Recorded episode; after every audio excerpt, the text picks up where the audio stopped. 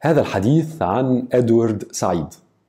ليه هذا الرجل كان مشهور للغاية؟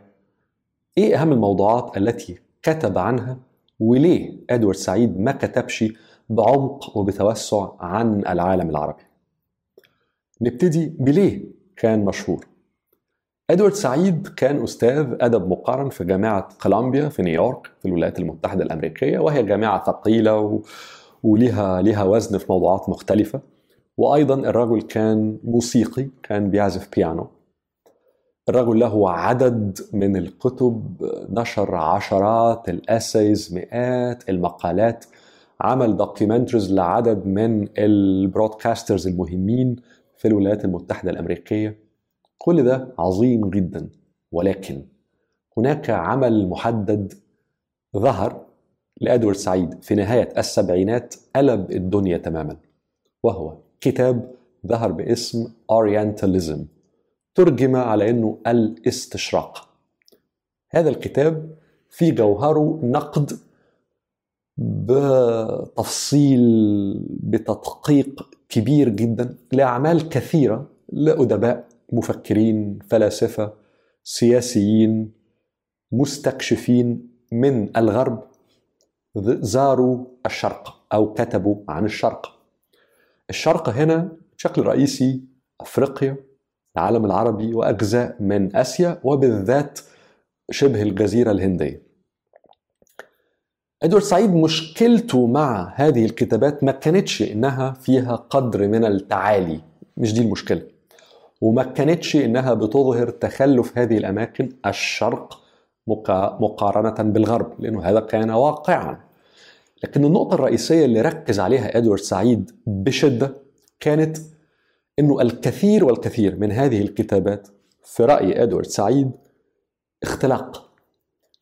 أفكار تخيلها الكتاب بعضها كان فانتسيز كده خيالات من عندهم عن هذه الأماكن وبدوا وهم بيزوروا هذه الأماكن إن هم يبقوا selective إن هم يختاروا مما يرونه قدامهم اللي يدعم الأفكار اللي عندهم التخيلات ال fantasies اللي عندهم. هذه كانت الفكرة الرئيسية في Orientalism.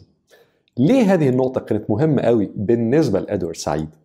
لأنه في رأيه هذه الكتابات بالذات في القرن ال 18 19 بدايات القرن العشرين شكلت الصورة اللي الغرب شاف بيها الشرق وعليه شكلت أو أثرت جدا في سياسات الغرب نحو الشرق. وأهم هذه السياسات كانت الاستعمار. الكتاب ده قلب الدنيا زي ما قلت. قلب الدنيا اولا في مجاله وهو مجال الدراسات المتعلقة بالنقد للتكستس للكتب القديمة. وبدون أي exaggeration بدون أي زيادة أو انه كل ما كتب بعد ذلك تقريبا من بدايات الثمانينات ولغاية النهارده مختلف تماما في اللهجة في الفكر في حتى نوعية الكتب التي بيتم الاستشهاد بها أو وضعها ك reference بناء على أفكار إدوارد سعيد في Orientalism فهذا الكتاب قلب الدنيا يعني نقل المجال بتاعه تماما بعده عن ما كان قبله. نجاح Orientalism أيضا طلع من المجال المحدد بتاعه إلى area studies إلى دراسات دراسات المناطق. فنفس الشيء الفكر السرد العام نوعية الكتب الأفكار التي تطرح في دراسة أماكن زي العالم العربي زي شبه الجزيرة الهندية زي جنوب الصحراء في أفريقيا وغيرها. كل ده اختلف تماما نتيجة لفكر إدوارد سعيد. أيضا الاختلافات ظهرت في علوم زي ال sociology علم الاجتماع انثروبولوجي العلوم المتعلقة بدراسات المجتمعات والإنسان وطبعا political science علوم السياسة. مش بس ذلك الأفكار التي وضعها إدوارد سعيد في Orientalism وجدت طريقها إلى السرد العام يعني النقاشات العامة للسياسات للعلاقة ما بين الغرب والشرق. فباختصار أورينتاليزم نقل تماما كيفية أو رؤية الغرب للشرق بشكل رهيب. لكن في نفس الوقت إدوارد سعيد كان من بدايات أو منتصف السبعينات واحد من الأصوات المسموعة في نيويورك في شمال شرق الولايات المتحدة الأمريكية بالذات لكن ممكن تقول في أمريكا بشكل عام حول القضية الفلسطينية. نجاح إدوارد سعيد في Orientalism وال gravitas اللي خد الثقل اللي خده بعد هذا النجاح إدوا صوته وزن تاني خالص. إدوا له قدرة على إنه يصل إلى دوائر ما كانش سهل الوصول إليها في ذلك الوقت. دوائر بقى في الأكاديميا دوائر في السياسة دوائر في الإعلام. بالإضافة إلى ذلك الرجل كان عنده ملكة رائعة في تقديم أفكاره. كان عنده كوماند غير عادي على اللغة الإنجليزية و...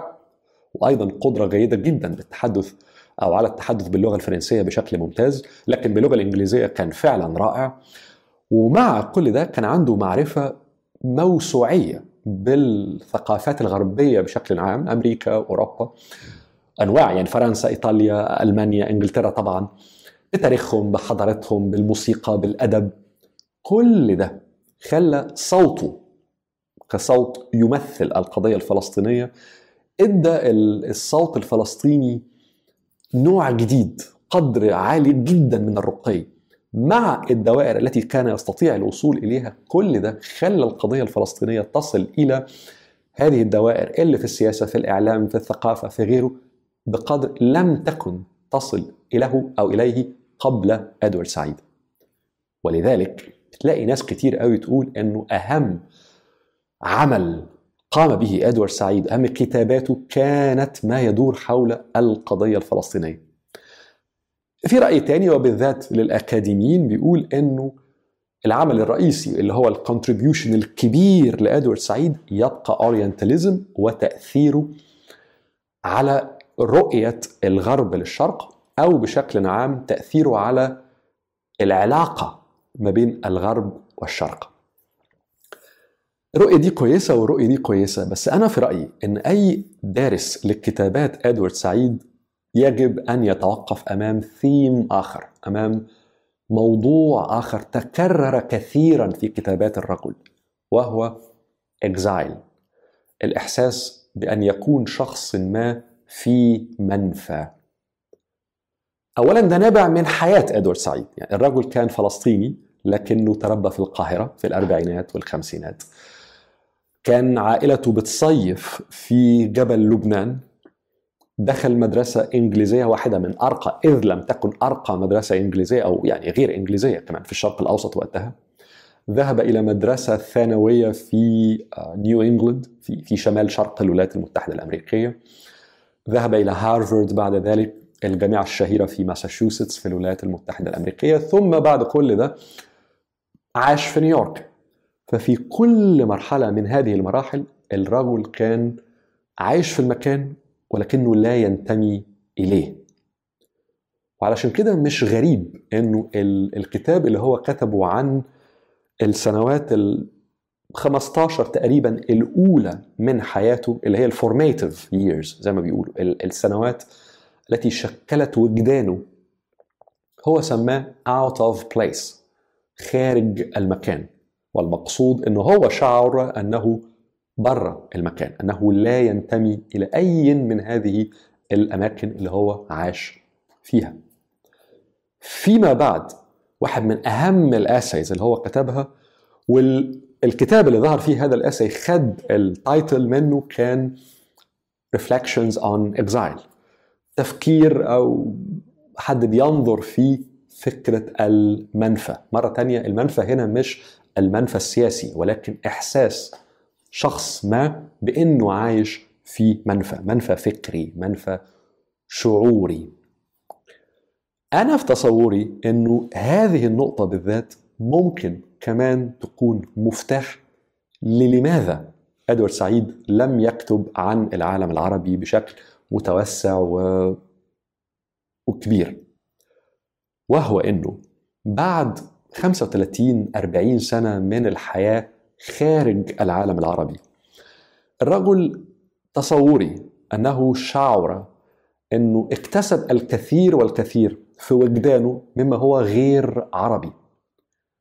وعليه أتصور إنه رأى إنه مش إنه لا يحق له إن هو يمسك بالقلم ويكتب الكتاب ذي بوك عن العالم العربي. بالذات إن إدوارد سعيد كان رجل كان رجل لطيف جدا وكان رجل لطيف على المستوى الانساني يعني. هو لما كان بيتكلم أحيانا في موضوعات تهمه كان بيبقى قطار يعني أمام اللي قدامه. لكن على المستوى الشخصي الرجل كان إنسان لطيف جدا ورقيق كمان أحيانا كثيره فتصوري إنه رأى إنه عيب إنه لا يحق له بعد كل هذه السنوات في الخارج إنه هو اللي يكتب الكتاب عن الهوية العربية.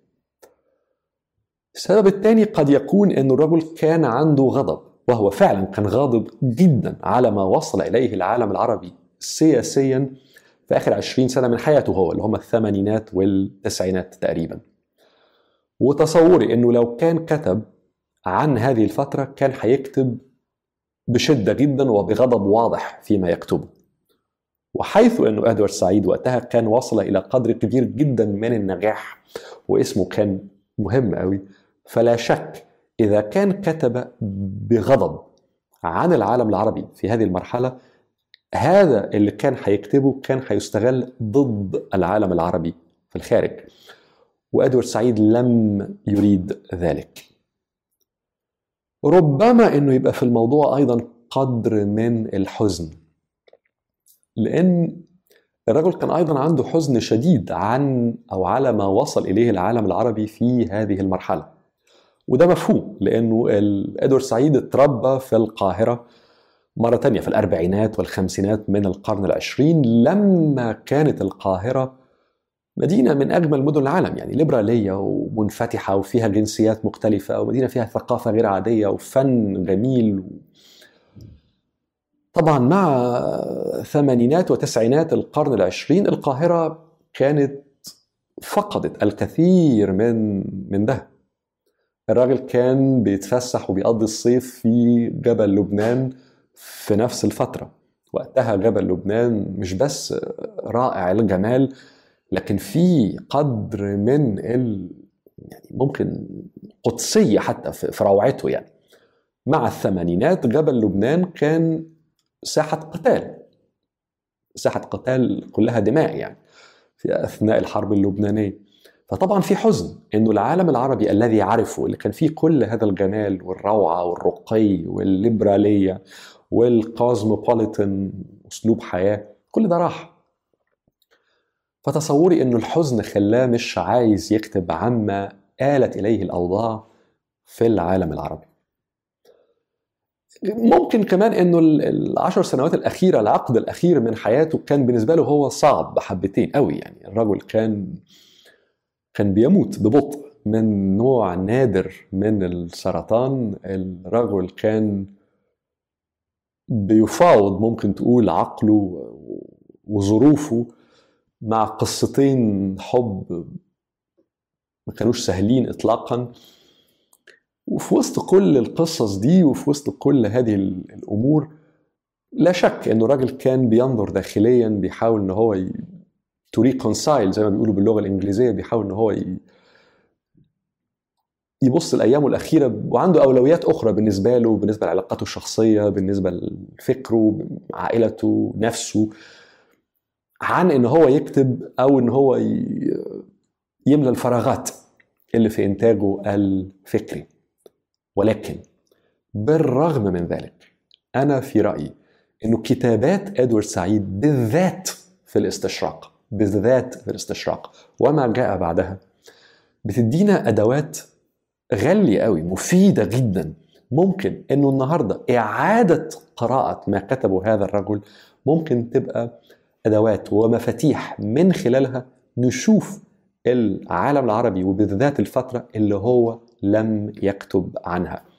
فكتاباته عن الغرب وهو ينظر للشرق وعدم الغوص بشدة قوي وبتوسع في الشرق بالرغم من ذلك الكتابات الأولى ممكن تبقى مفتاح للأمر الثاني.